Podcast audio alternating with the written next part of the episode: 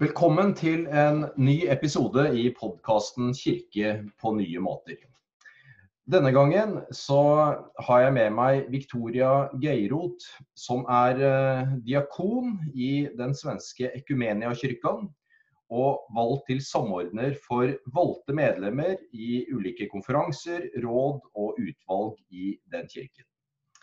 Og Temaet vi skal snakke om, det er konsensus konsensus som beslutningsform og konsensusmetodikk, som etter hvert har blitt en viktig del av Ekumeniakyrkans eh, måte å fatte beslutninger på, rett og slett.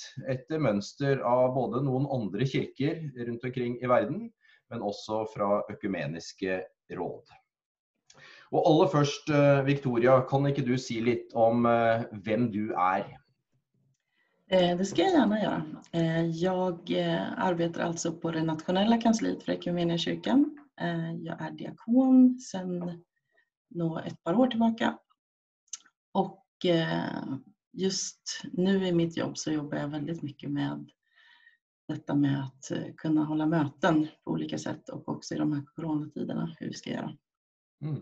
Mm. Ja.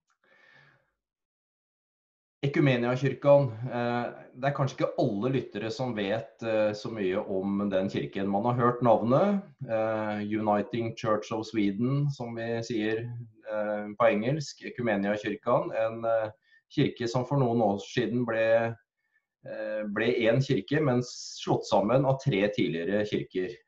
Ja, precis. Det var 2011 som Svenska Missionskyrkan Metodistkyrkan i Sverige och Svenska baptistsamfundet beslutade att bilda en ny kyrka eh, som då heter Ekumeniakyrkan med ett ekumeniskt perspektiv. Det är ju ett spännande koncept. Eh, ja, verkligen. Det är det. Vi får många frågor både nationellt och internationellt. Hur, hur går det? Mm, mm. Eh, och det är klart att det finns utmaningar men jag tror att vi alla vet att det finns de utmaningarna egentligen inom ett samfund också, kyrkosamfund. Mm. Så att, ja, det är spännande. Tror du att eh, det att det är sammanslått av tre tidigare kyrkor har gjort det extra påkrävt på en måte, eller nödvändigt med eh, detta med, som vi ska snacka om idag, med konsensus? Ja, det skulle man kanske kunna tänka att konsensusmetoder behövs ännu mer. Men jag tänker nog snarare också att det att vi bildade en ny kyrka gav möjlighet att tänka nytt mm. faktiskt. Så det är en faktor. Att det är en ny kyrka och då vågar vi prova något nytt när det gäller beslutsfattande. Mm. Ja. Och det ska vi höra mer om och kanske komma tillbaka till en, till en konklusion efter hvert, då, huruvida detta har varit vellykkat eller inte. För jeg tror eh, i hvert fall Hvis jeg skal tenke fra her i Norge og fra min erfaring med økumenikk i Norge og kontakt med ulike kirker i Norge, så har det vært ganske stor eh, interesse for å utforske konsensus som eh, metode i beslutningsprosesser.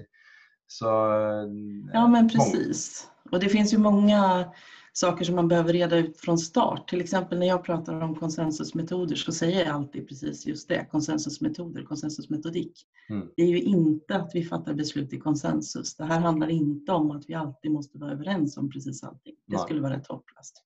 Utan det är ett sätt att närma sig frågorna som skiljer sig lite från mm. hur vi har gjort tidigare. Ja, ja. Og Da er vi litt uh, allerede gått inn i, i hva konsensus handler om. Uh, Eh, hvis du skal ta ett sånt overordna perspektiv, eh, vad är eh, konsensusmetodik? Ja, jag skulle säga att det handlar om eh, att ta hänsyn till faktiskt ta hänsyn till att vi är en kyrka som fattar beslut mm. och att vi vill, vi vill enhet. Vi måste inte vara eniga i alla frågor men vi vill enhet. Vi är en kropp och vi ser att det finns många delar och vi berikar varandra. Mm. Eh, som kyrka kan vi inte vara nöjda om vi skulle gå, ingen av oss är nöjd och glad om vi skulle gå ut ur ett årsmöte och 56 eh, procent har röstat ner 44. Mm. Då är alla missnöjda. Det är mm. inte en framkomlig väg egentligen för oss. Vi måste på något vis komma längre så att vi kan vara en kropp tillsammans. Mm. mm. Och därför så handlar detta om eh, alltså, eh, Jag har läst lite i det dokumentet som ni har utarbetat, som är ett flott eh, dokument som både redogör för en del av, av tänkningen bak och mm. jag hoppas si, också teologin, att detta är speciellt viktigt i en kyrka. Absolut. Men också den praktiska måten att göra detta på. Då. Och, och detta med att jag hoppas si, söka efter en felles uppfattning, förståelse och vilja är ja. viktigt. Verkligen. Man ger mycket rom för dialog, konsultation, utforskning, spørsmål, bli kjent med varandra. Selvfølgelig viktigt med relationer och sånt. Lytting, öppenhet för andras perspektiv. Det stämmer, det är verkligen centrala begrepp. Att, att det här att söka det gemensamma bästa, det är det vi vill. Ehm, och vi har ju också det finns ju många ingångar i det här. Eh, det finns ju också en vilja att öppna eh, samtalet för fler. Och det här sättet som vi har bedrivit demokrati på sedan mitten på 1800-talet, mm. det, det, är ju inte alls säkert att det är det, det bästa eller det enda möjliga. Och framförallt är det inte säkert att det är så tillgängligt för alla. Vi, man kan se att vi har haft eh, en nedgång i antalet ombud som kommer och vill vara med och bestämma och att det är svårt att förstå om man inte har varit på årsmöten förut. Vad, vad händer nu? De här, det som vi kallar för propositionsordningar mm. kontra propositionsvoteringar. Alltså det, det, mm. det, är inte så lätt att hänga med i. Vad, vad händer nu? Hur, mm. hur, går det till när vi fattar beslut? Och det här är också ett sätt att, att göra det tillgängligt för fler, att göra fler delaktiga eh, och att börja om på ett sätt. Liksom, så att det inte är så att du kommer in med en erfarenhet på 40 år av hur det här går till. Mm. Och jag som nybörjare har ingen chans att hänga med. Utan nu, nu börjar vi om på nytt. Och det är väldigt viktigt för oss att vi inför varje konferens som vi startar, att vi går igenom varför gör vi det här nu igen och hur går det till? Precis, mm. också praktiskt. Så att man börjar på samma, samma nivå på ett sätt. Mm. mm. Men betyder det att ni i alle saker som er oppe f.eks.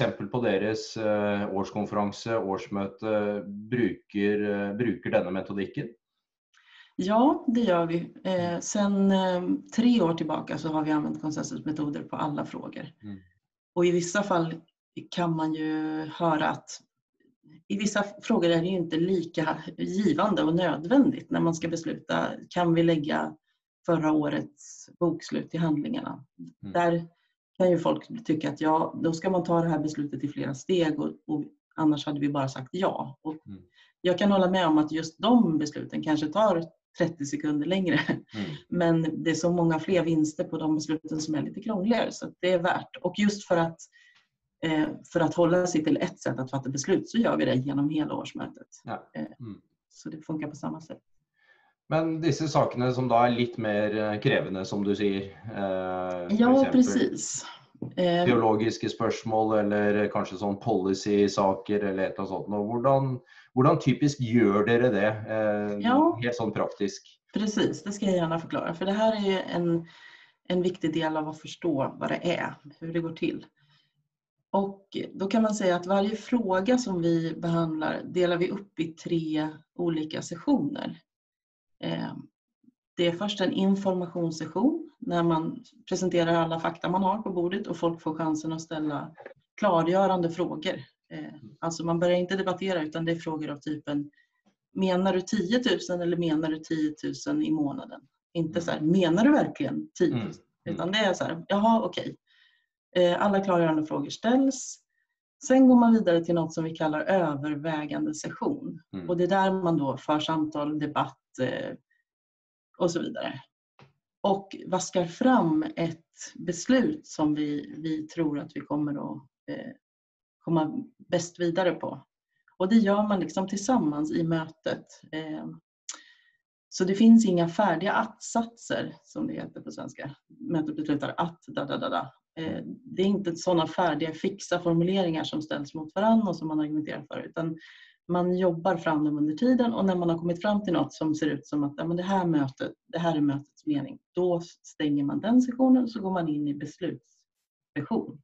Mm. Och då fattar man beslut och det gör man också i lite olika steg. Och om jag först ska säga något om övervägande sessionen, för den, Informationssessionen tror jag är ganska enkel att förstå. Den brukar heller inte vara så lång utan där har man ju fakta. Mm. Eh, men övervägande sessionen består av många olika delar i sig. Den, vi har till exempel det som vi kallar för samtalstorg eller påverkanstorg där man går runt och minglar och pratar med folk eh, i, i ett fritt samtal. Eh, vi kan bryta upp det stora plenumsamtalet i mindre, i mindre grupper och prata. Man kan avbryta det samtalet för bön och stillhet. Det finns många olika verktyg i den här övervägande sessionen. Och också när det gäller rena debattinlägg och så. Att, att I de här metoderna så finns det uttänkt att man som presidium kan efterfråga fler röster. Om det till exempel råkar vara så att vi har haft eh, ganska många män i 60-årsåldern som har varit uppe och pratat. Då kan presidiet aktivt fråga, eh, finns det någon ung person som vill yttra sig i den här frågan? Mm. Finns det en kvinna som vill yttra sig? Har vi haft massa stadsröster ska vi höra, finns det någon från en mindre ort, en glesbygdsförsamling, en liten mm. församling, en stor församling? Att man försöker tänka på vilka kategorier av människor vi har hört prata så att man ska få så många röster som möjligt. Och sen när jag säger att eh, vi ser vilket beslut vi kommer fram till så menar jag faktiskt också rent visuellt vi ser. För att ett viktigt redskap som vi använder i, i, i, den här, i de här mötena det är något som vi kallar för indikatorkort. Mm. Varje ombud får två stycken kort, ett blått och ett orange.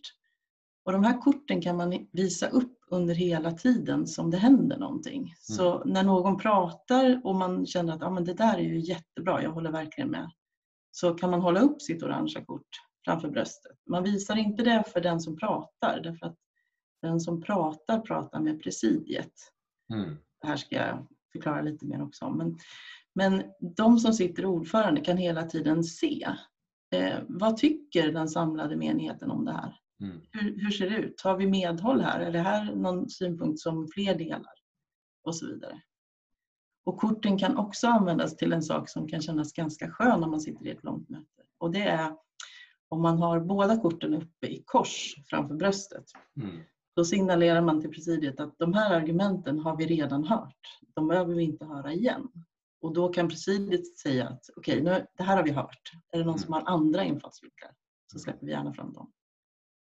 Och det gör faktiskt också jag har sett en, en effekt som, som ingen riktigt visste innan och det är att när man pratar till när man pratar i ett sånt här möte, då pratar man med presidiet. Man står på golvet och pratar med de som är ordförande.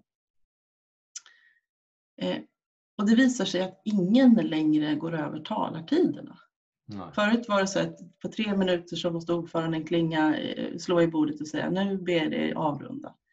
Men när man står och pratar med eh, bara de här tre, fyra, fem som sitter där framme så, så kommer man till sin poäng fortare utan att det för den delen eh, inverkar menigt på, på samtalet. Mm. Man får fram sin poäng.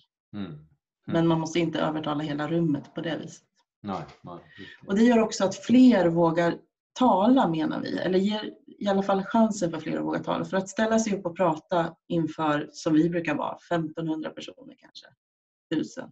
Mm. Det är inte alla som törs det. Men att ställa sig med ryggen mot dem och prata med de här tre, det gör det lite mer möjligt. Dessutom så menar vi att vi får många fler röster hörda i och med att alla ombud hela tiden talar om vad de tycker med indikatorkorten. Eller i alla fall så fort som, som presidiet ber om att snälla ni kan ni visa nu hur ni, hur ni känner inför det här. Mm. Så, vi, så många fler röster hörs. Även om det ibland är visuellt. Og Det betyr rett og slett at uh, ombudene, delegatene, står foran selve forsamlingen da, uh, og med ryggen til resten av, av delegatene når de snakker. Ja, precis. Ja. Exakt. Man står mitt, mitt i samlingen och tittar framåt. Liksom. Ja. Samma som hela mm. församlingen tittar. Mm. Och det är liksom en, en, teknisk sak men som faktiskt underlättar. Eh, som, som också Eh, det finns ju olika delar i det här som folk känner att men det där, hur blir det? Men när vi har provat i tre år så ser vi att jo, det där är ganska bra faktiskt. Mm, mm. Sen en jätteviktig sak som eh, är, är att presidiet, ordförandena hela tiden återkopplar vad de ser av det här i rummet eftersom ombuden eh, inte på det sättet ser varann. Det är framifrån som man ser de här korten. Och det har ju också med att göra att man ska våga ställa sig upp och säga sin sak utan att få hela rummet eh, mot sig. Det, det, ger en större frihet helt enkelt. Mm, mm, mm, I att våga. Mm. Och nu är du inne på eh, något av det, det positiva som detta har fört till. Alltså, du nämner detta att fler vågar att säga något för exempel. Eh, och därmed så får du säkert också fram eh, ja, flera perspektiv på olika saker. Också för att det ikke da begynner saksbehandlingen med väldigt färdigformulerade formuleringar till vedtak. Ja, precis. Och det är egentligen det är ju den stora vinsten som vi ser, att samtalet ser annorlunda ut.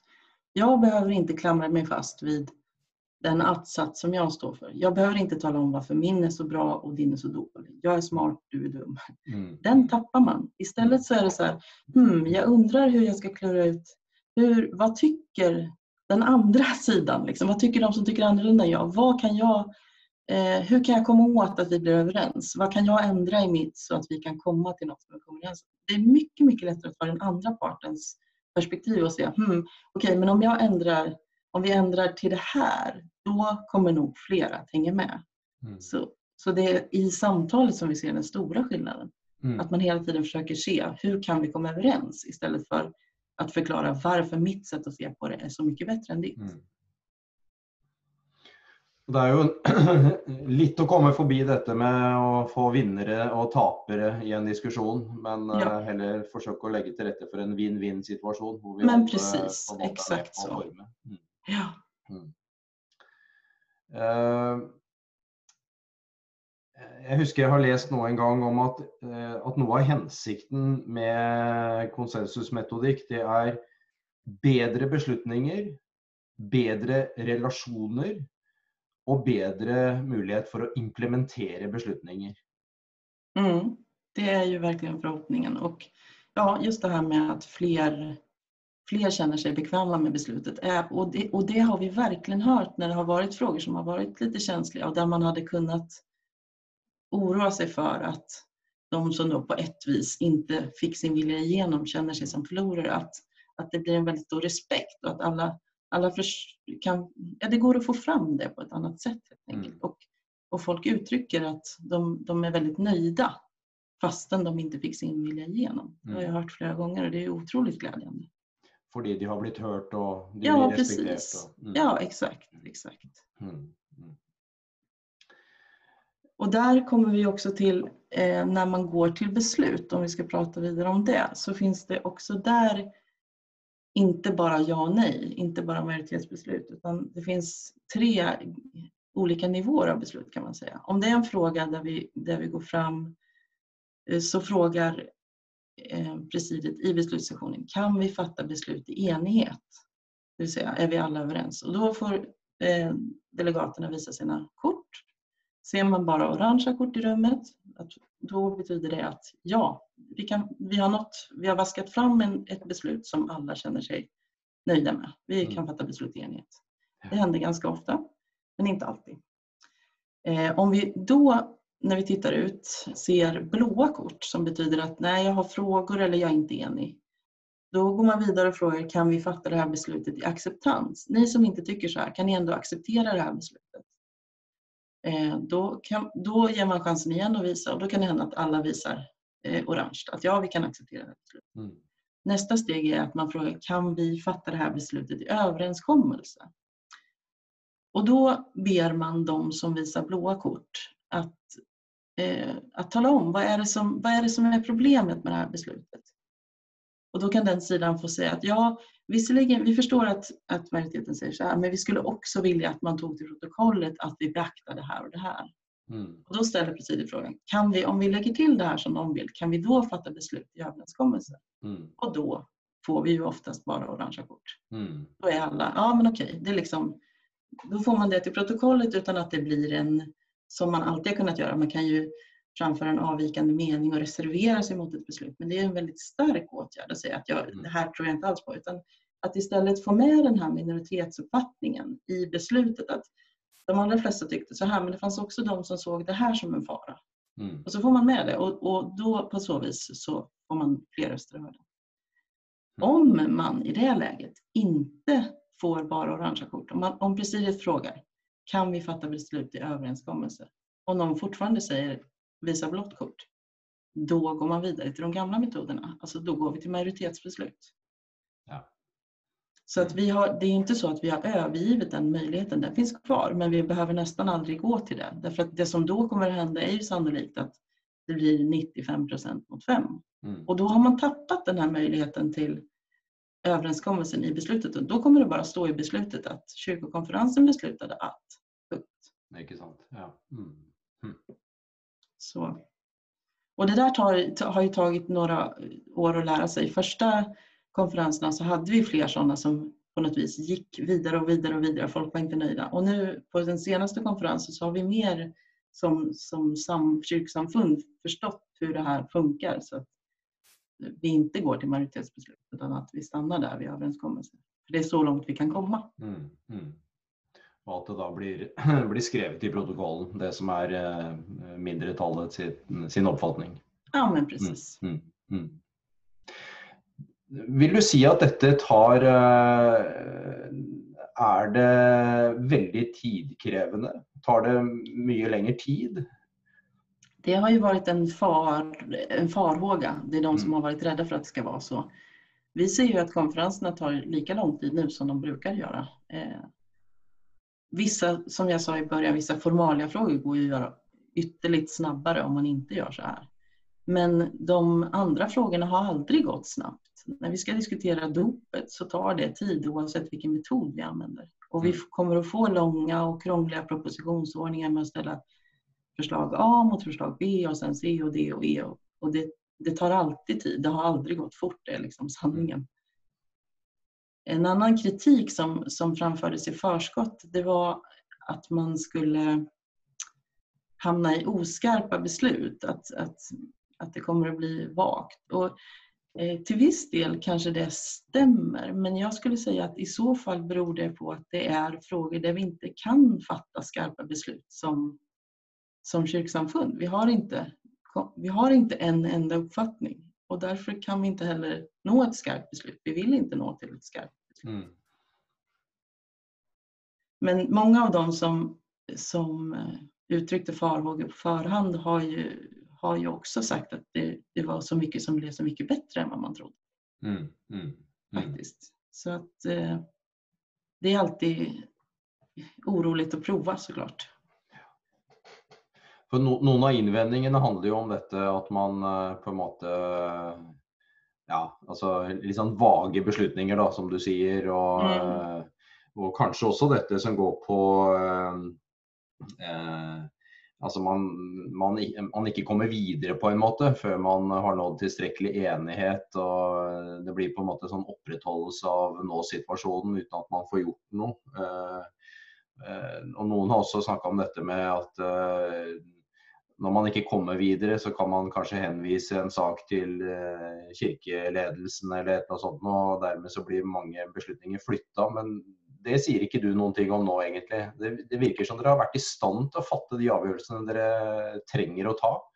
Ja, det skulle jag absolut säga. Og jag tycker inte att det går att se stora skillnader på den liksom, kvaliteten på besluten som fattades före och efter. Utan det är just samtalet i konferensen som, som är den stora skillnaden. Mm, mm, mm.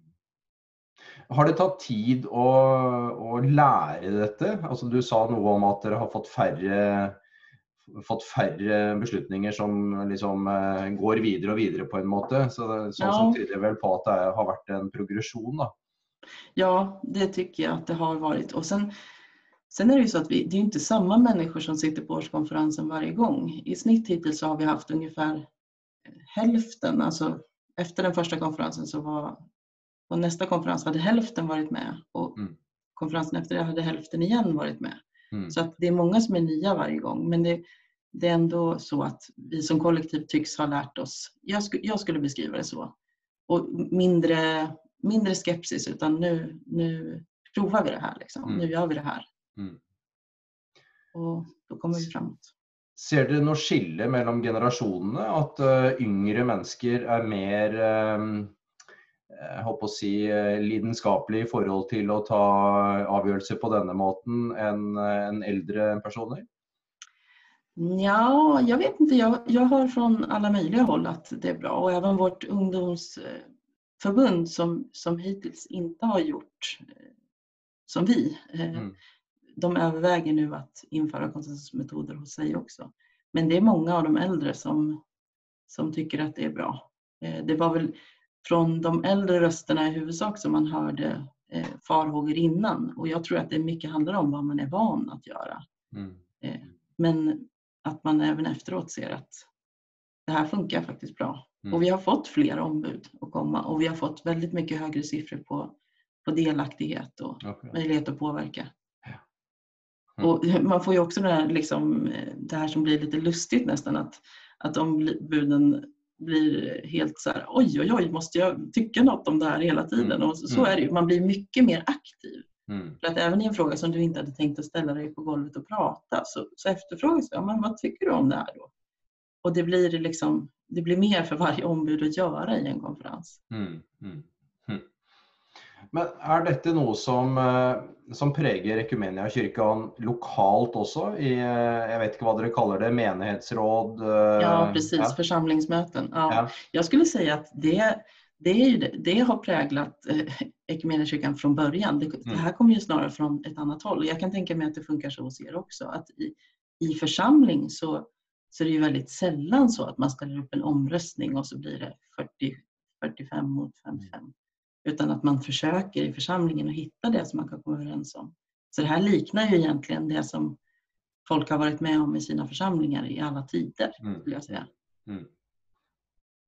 Och särskilt, särskilt i lokalmenighetene så, ja, så är ju detta med att ta, ta hänsyn till relationerna för att man ska leva tätt på varandra. Ja, exakt. Så precis det gör man redan. Så egentligen så är det att flytta upp den här eh, hänsynen till relationer mm. även i en större församling.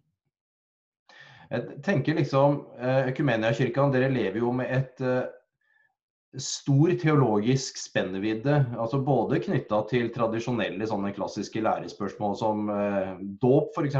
Dere har jo ulike dåpssyn innad i Ekumeniakirken. Eh, nå er det kanskje ikke det som er det mest krevende. I, i vår tid så er det jo mer sånn eh, eh ja, F.eks. knytta til ekteskap mellom mennesker av samme kjønn osv. Jeg vil tro at dere har en viss uh, intern uenighet også, også på det. Så Sånn sett så tenker mm. jeg jo at, uh, at dere er en kirke med et stort mangfold, og veldig modig och dristig gjort å, å gjøre det på denne måten. Mm. Jo, men precis. Och det är väl, jag skulle säga att det är en av våra stora styrkor. Att det är så här, vi kommer att ha olika eh, synpunkter i ståndpunkter i olika frågor, men vi har vår, vår gemensamma kärna är så mycket större och viktigare på något vis. Mm. Och det, det, blir ett fokus på det och vi måste, vi måste kunna leva i tillsammans. Liksom. Mm. Och mm. vi provar det här i Equmeniakyrkan. Mm. Mm. Jag tycker det är väldigt hoppfullt att ja, nej, vi, vi tycker inte precis likadant men vi, vi ska leva tillsammans i alla fall. Ja, ja. Mm. Uh,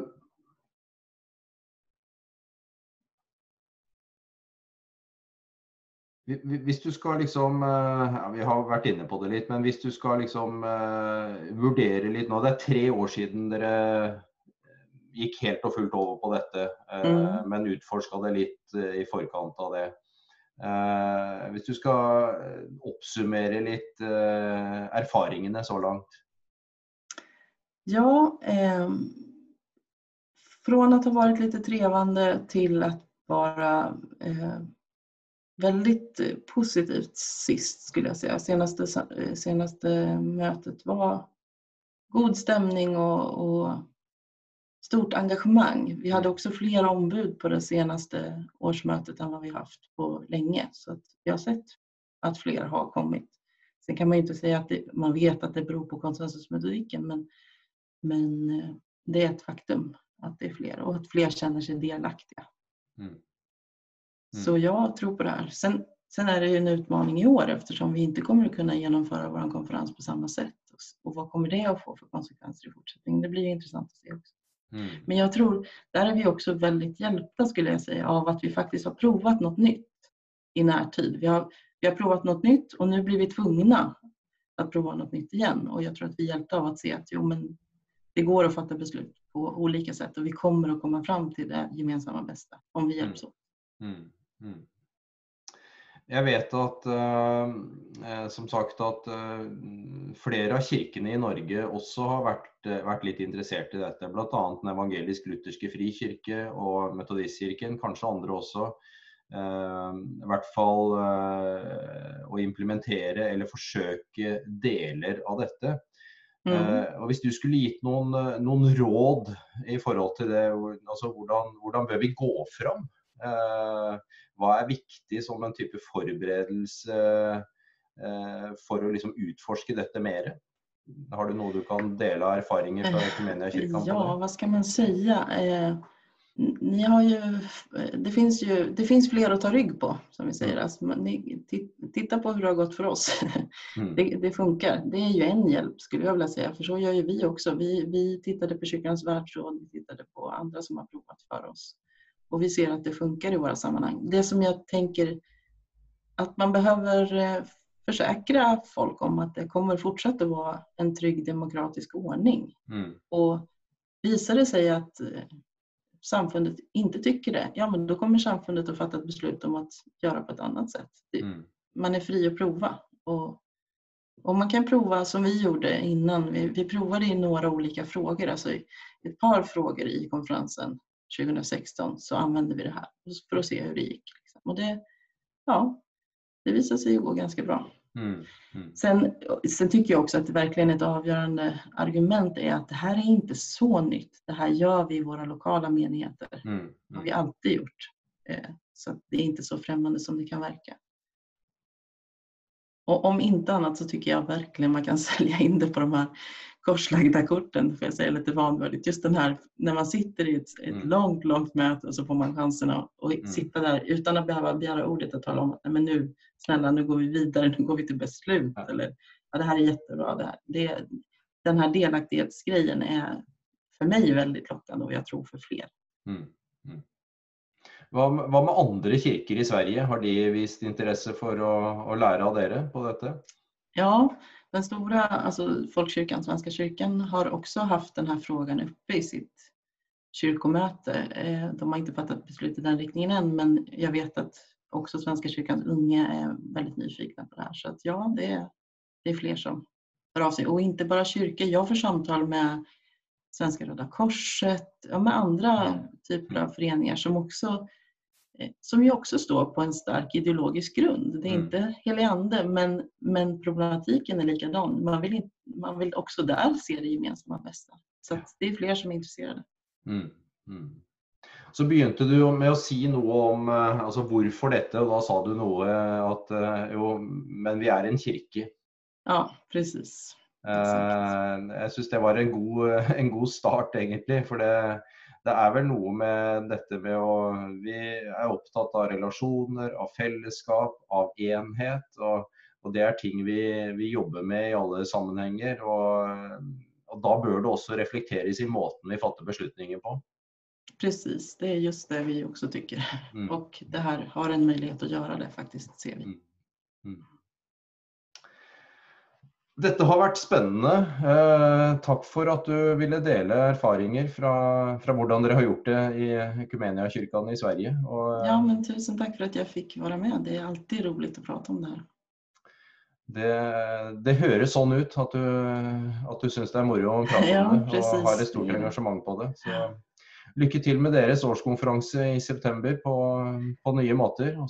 Tusen takk får vi andre ta med oss dette videre. Eh, kan i hvert fall forsikre om at eh, for Metodistkirken i Norge så har dette Vi har så vidt prøvd det og er enige om at eh, dette er en vei vi er nødt til å gå videre, og som vi vil gå videre på. Ikke minst i møte med de store utfordringene som, som vi har både nasjonalt och internationellt inom Metodistkirken. Just det. Ja, mycket spännande och alla som vill hör av sig och får bolla idéer med mig är varmt välkomna att göra det också. Det är bara att leta upp kyrkan så hjälper vi gärna till när vi kan. Jag delar uh, nettadressen til Ekumeniakirken i teksten som følger podkasten nå etterpå, så da kan folk finne det der. Og også, jeg skriver også navnet ditt, og da finner man det på, på nettsiden et eller annet sted, tro. Strålande. Mm. Mange takk skal du ha, og ha en fortsatt fin dag. Ja, tack själv.